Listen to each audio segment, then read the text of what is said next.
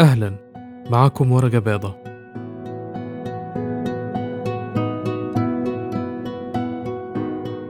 لو فاكرين في حلقة لأنك تستحق.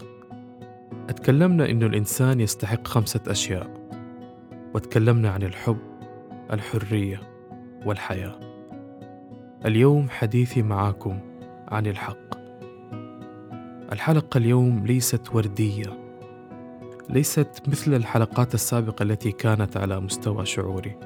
الحلقة اليوم واقعية.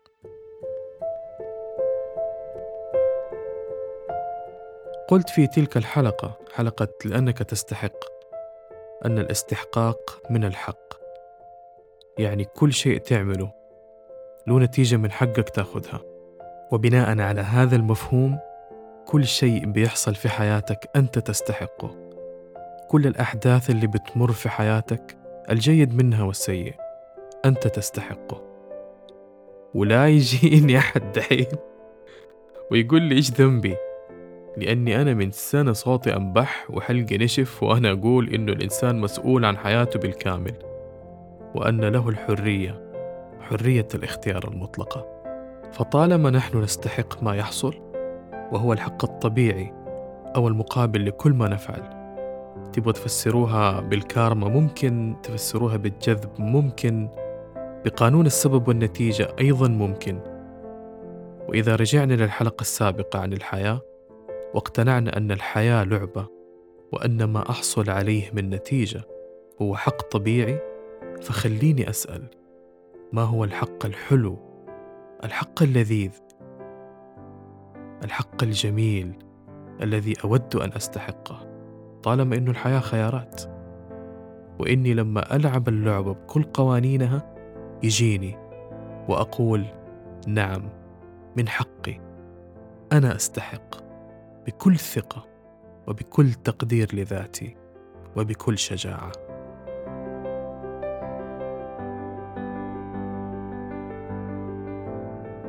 الخبر الجيد أن كل ما تركز عليه سيتجلى في واقعك. لأننا نمتلك قدرة خلق الأشياء من العالم الأثيري الذي يحمل الذبذبات إلى العالم الفيزيائي المحكوم بالقوانين العقلية والأرقام والمنطق. والخبر ما حقول عليه سيء لأنه أصلا ما هو سيء ولكن الخبر الواقعي أنه عليك أن تعمل عليك أن تسعى. سعي على مستوى الجهد الحركي تتحرك وتنفذ. وتضع خطط وعلى مستوى الجهد النفسي الشعوري أن تؤمن أن تعيش التصور كأنه موجود في الواقع تماما وعلى مستوى الجهد الفكري أن تصحح أفكارك وتتبنى الأفكار المنسجمة مع الحياة لكي تتقن اللعبة. من المهم إننا نسأل ما هو كذا؟ أن نبحث عن التعريف من خلال تعريف الشيء التعريف الصحيح. وهنا سنفهم قوانين اللعبة. بدون هذا السعي والمجهود حيكون الحق والاستحقاق مجرد كلمات وردية وحالمة. نسمعها فقط من أهل الطاقة والسلام الداخلي وما حيكون لها أي فائدة في واقعنا. لو قلت من حقي الآن أشتري علبة آيس كريم كبيرة لأنه عندي فلوسها وطفشان وأبى أفلها مع movie في نتفليكس وأترك العلبة الكبيرة على الطاولة وتيجي المدبرة المنزلية وتنظف الموضوع أول ما تصحى الصباح من حقي يا أخي هو خيار وهو سبب له نتائج تخيل لو كنت بدين وتعاني من السمنة أو من ضغط الدم إذا كان من حقك الاستمتاع بكل هذه الكمية من الدسم فأين حق صحتك وجسدك عليك؟ أين حق قيم أخرى كالمسؤولية كالرحمة؟ تركت الوضع فوضى وتيجي المدبرة المنزلية أو الدادة تنظف كل شيء وراك أنا عارف أنكم بتدفعوا لها راتب شهري ولكن ما هي حقوقها عليك؟ هل لها ساعات عمل محددة؟ هل لها وقت راحة معين؟ ما هي حقوقها؟ حقوق جسدك وإنت عارف إنه هذا النمط من الحياة اليومي وهذا النمط الصحي ما راح يفيدك بعد الأربعين على سبيل المثال وتكون أهدرت حق أن تعيش بكل صحة وسعادة مقابل رغبات قصيرة المدى. لكي نحصل على ما نراه حق لنا لكي نحصل على اللي نبغاه فعلا نحتاج نعرف ما هو الحق. نحتاج نعرف إذا الحق اللي إحنا بندور عليه هو حق لنا أصلا. ما هو تعدي على حقوق أخرى؟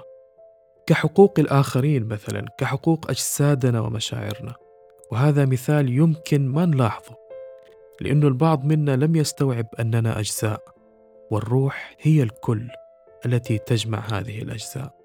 إن السمع والبصر والفؤاد كل أولئك كان عنه مسؤولا. الحق له تعريف وله مساحات وله حدود وله مسؤوليات. قيل أن الحق هو الثابت الذي لا يسوغ إنكاره. وفي أيضا تعريف لأحد أنواع الحق وهي حقوق الإنسان بأنها المبادئ الأخلاقية أو المعايير الاجتماعية التي تصف نموذجا للسلوك البشري والذي يفهم عموما بأنه مجموعة من الحقوق الأساسية التي لا يجوز المس بها وهي مستحقة وأصيلة لكل شخص فهي ملازمة لهم بغض النظر عن هويتهم أو مكان وجودهم. أو لغتهم أو ديانتهم أو أصلهم العرقي أو أي وضع آخر. وهي كلية وتنطبق في كل مكان وفي كل وقت ومتساوية لكل الناس وتفرض على المرء احترام الحقوق الإنسانية للآخرين. اذا فالحق حق لك وحق عليك وهذا هو معيار الاستحقاق. فحينما تطالب بالحق وتحفظ الحق وتحافظ عليه وتحترم حق الغير فأنت معك حق أي أنك تستحق. رفع الاستحقاق عملية نمو وتطور وتتطلب الجهد وتتطلب الاستمرارية.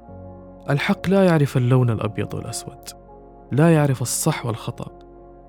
هو يعرف القوانين قوانين الحياة ويعرف نتائج هذه القوانين ويتناغم مع ذلك تباعا. لاحظ حياتك الآن. لاحظ لحظتك الحالية بكل ما فيها بكل تفاصيلها بكل حسناتها وسيئاتها. كل ما تراه كل ما تفكر فيه كل ما تشعر به كل ما هو موجود الآن أنت تستحقه وهو حق وهو نتيجة قراراتك السابقة. فكر فيها. فكر فيها كثير جدا. أنا ما بتكلم عن صح أو غلط ولا بتكلم عن ظروف أجبرتني وأجبرتك. أنا بتكلم عن خيارات اتخذناها بوعي أو بدون وعي. خيارات اعتقدنا أنها كانت الأفضل وده مش عيب ولا غلط. وأدت إلى النتيجة اللي أنا وإنت شايفينها. هذا هو الاستحقاق. وأنت لك الخيار. إنك تلعب اللعبه بشروطها وتجعل الحق والاستحقاق يعملان من أجلك. يقول روي بينت افعل الصواب وليس السهل أو المرغوب أو المتعارف عليه. الحق له مطالب يطالب بي وله مفرط فرط بي وضيعه. خيارات صح. جهد. صح؟ الحياة ليست وردية وليست عادلة. الحياة تتشكل حسب ما في داخلك. وأنت الذي تلعب اللعبة وفق القوانين. لما توصل لهذا المستوى من الإدراك تدرك أنه أحلامك تأجلت بسبب حقوقها اللي ما اشتغلت عليها وأعطيتها الأولوية. تدرك أن بعض الأمنيات والرغبات تحققت لأنك كنت مؤمن في العمق أنك تستحق. تدرك أن البعض استطاع أن يضرك ويقيد من مساحات وجودك لأنك لم تضع الحدود عشان تحمي ما تستحق من احترام وتقدير وحسن معاملة. تدرك أيضا أن الخوف من فقدان الأشياء خلاك تتنازل عن حقوق كثيرة جدا. الحق له مطالب وله مفرط. وهنا نستطيع أن نرى ما هو استحقاقنا لما نريد. ما الغاية من وجود الحقوق؟ الحقوق هي اللي تحفظ الحاجات البشرية. وأعظم حاجة بشرية هي الكرامة لأنها اللي تحفظ الاتزان في كل حياتنا بدون أن تغلب الرغبات والغرائز. الكرامة من التكريم عدم انتقاص أو تحقير أي شيء لك. ليست الإشكالية في تحقير وانتقاص الآخرين لنا ولكن لما ننتقص ونحقر أنفسنا لما نخاف لما نسكت لما نحلم ونسخر من أحلامنا أو نخاف نخلي أحلامنا حقيقة لما نقول نعم والمفترض نقول لا لما نقول لا وإحنا عارفين إننا نحتاج نقول نعم. يقول مارتن لوثر كينج يأتي على المرء وقت عليه أن يتخذ موقفا غير آمن وغير مألوف ومعتاد. لكنه يجب عليه أن يتخذه لأن ضميره يخبره أنه على صواب وحق. لماذا أحتاج أن أعرف ما هو حق لي؟ المرادف لكلمه حق في اللغة الإنجليزية the right ولها معنى في اللغة العربية وهو الصواب. ما الذي يحدد الصواب في حياتي؟ ما الذي يحدد إذا كان الشيء الذي أعتقد أني أستحقه؟ حق لي. أو حق ضدي حينما نقع في فخ غياب الوعي الذاتي وما نكون عارفين نفسنا ولا قيمنا يصير الفرق بين ما نريد وبين ما نشتهي ضبابي نوعا ما وقد نتنازل عن أهداف وطموحات بعيدة المدى مقابل رغبات قصيرة المدى عندي هدف أعمل آه، مشروع ما هو راضي يتحقق ليه؟ وقتي رايح في الأفلام فلوسي رايحة في السفر حافز غير موجود بسبب خوفي أو يأسي أو عقدتي من تجارب ماضية ما نجحت. عندي هدف أقنع أهلي أسافر أدرس أو أتزوج من شخص مناسب ما هو راضي الموضوع يزبط ليه؟ يمكن أنا شاكك في قراري أصلا أو شاكك في قدرتي على مواجهة ما هو قادم. أيا كان الوضع فلحظتي الراهنة هي الحق اللي بأحصل عليه وأستحقه. وهنا كثير نسأل ليش معي حق في كذا وكذا وكذا ولا أستطيع الحصول عليه؟ الحقوق وجدت لتحفظ كرامتنا لكي نعيش الحياة بشكل أفضل. لكي نعيش الحياة بشكل أفضل. نحتاج ندرك أن الحياة مستمرة وفي تغيير وتطور دائم. وطالما الحياة مستمرة وفي تغيير وتطور دائم فنحتاج أن نتحلى بالقوة. الحصول على الحق يحتاج هذه القوة. كونك معاك حق فأنت لديك الطاقة والقوة لكي تحافظ عليه ولكي تصون حدوده. لما أقول معايا حق كأن الحق صاحبي وماشي معايا. والصديق اللي ما تحافظ عليه ولا تحترم حدوده كيف حيتصرف معك؟ وكيف حيكون معك؟ فكروا فيها. إذا فللحق مسؤولية وحدود. إذا كان لك حق أن تعيش بكامل الصحة والعافية فهذا الحق له مسؤولية في اختيار النمط الغذائي الصحي والنمط البدني الرياضي وله حدود. متى أقول لا لأكل دسم؟ ومتى أقول لا لمناسبة أو حفلة عشان وقت النادي؟ إذا كان لك حق في علاقات صحية سواء كانت عملية أو عائلية أو عاطفية فأنا مسؤول عن هذا الحق بإيجاد علاقات تتوافق مع قيمي ومبادئي ومعاييري وأعطي الاحترام والتعاطف والإنصات قبل أخذه. وأيضا أحافظ على حدود هذا الحق. إني أرفض كل ما يمس صحة هذه العلاقات. وأقول لا لكل ما يمكن أن يهدر كرامتي أو حقوقي الأخرى. طيب ما هي الحقوق الأخرى أو الحقوق الأساسية؟ كل إنسان له حقوق فكرية وجسدية ونفسية. من حق كل منا فكر ينمو ويتطور. فكر مبني على أسس صحيحة. فكر حر له كافة الخيارات التي يريدها. من حق كل منا جسد صحي وقوي وآمن من أي اعتداء عليه. من حق كل منا نفس مطمئنة آمنة من اللوم والانتقاد والتحطيم والتنمر. إحنا مسؤولين في المقام الأول عن الحفاظ على هذه الحقوق. ومسؤولين عن احترامها لدى الآخرين ما هي النتيجة لو تصرفنا بهذه الطريقة؟ الشعور بالأمن والأمان، الشعور بالكرامة، مما يؤدي إلى تركيز التفكير لما هو قادم. وذلك يعطي القوة والشعور بالقوة البشرية في البناء والإعمار واتخاذ القرارات. الآن الاستحقاق يعمل، لأن الخوف المناقض للحب لا وجود له الآن في اللحظة. جميع علاقاتنا ستكون آمنة ومطمئنة. الكل يكسب، لا وجود للضحية والجلاد. يقول جبران خليل جبران: الحق يحتاج شخصين. شخص ينطق به وشخص يفهمه.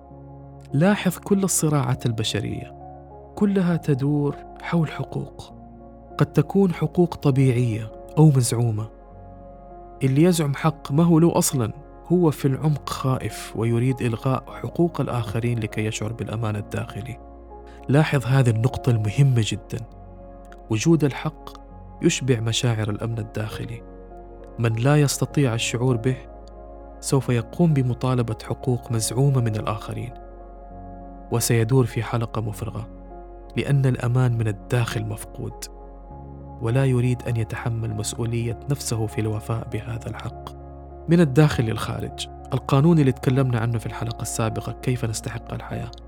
فقدان الأمان صوت داخلي يعمل ضد القوانين الكونية. الأنظمة التشريعية في كل الدول تكفل حقوق الجميع أفراد مؤسسات منظمات.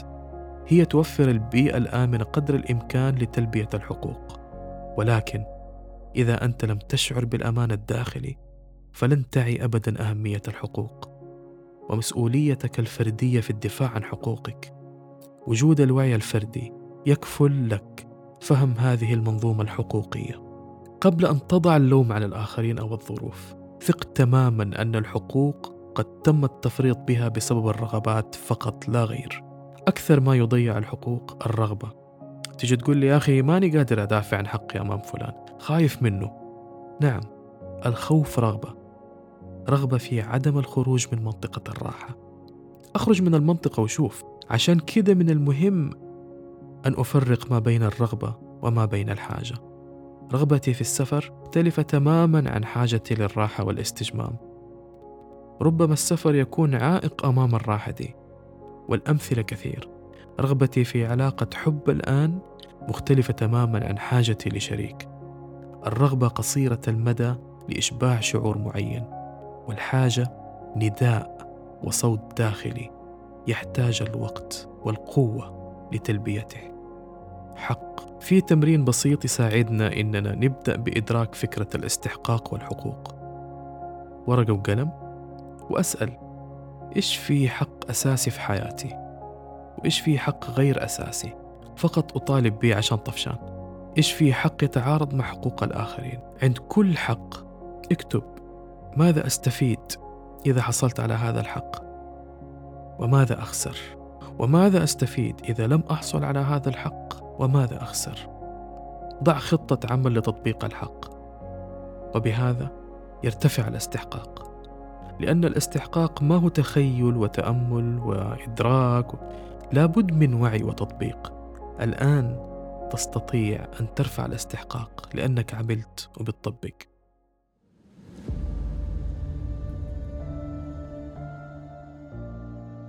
لكي يكون معاك حق ضع المعايير وضع القيم. واجه المرآة التي تعكس وجهك الحقيقي. كن صادقا وشجاعا في هذه المواجهة. واسأل نفسك ما الذي أريد؟ وما هو الثمن الذي علي أن أدفعه لتحقيق أحلامي؟ ما هي الرغبات التي تقف عائقا أمام استحقاقي؟ ما هي الفائدة التي أحصل عليها من خوفي وترددي؟ كن صادقا. الصدق مكمن القوة. يقول جورج إليوت التزم الصدق. لا تخجل من فعل الصواب. قرر ما تظن أنه صائبا والتزم به. كان معاكم محمد وبودكاست ورقة بيضاء. شكراً.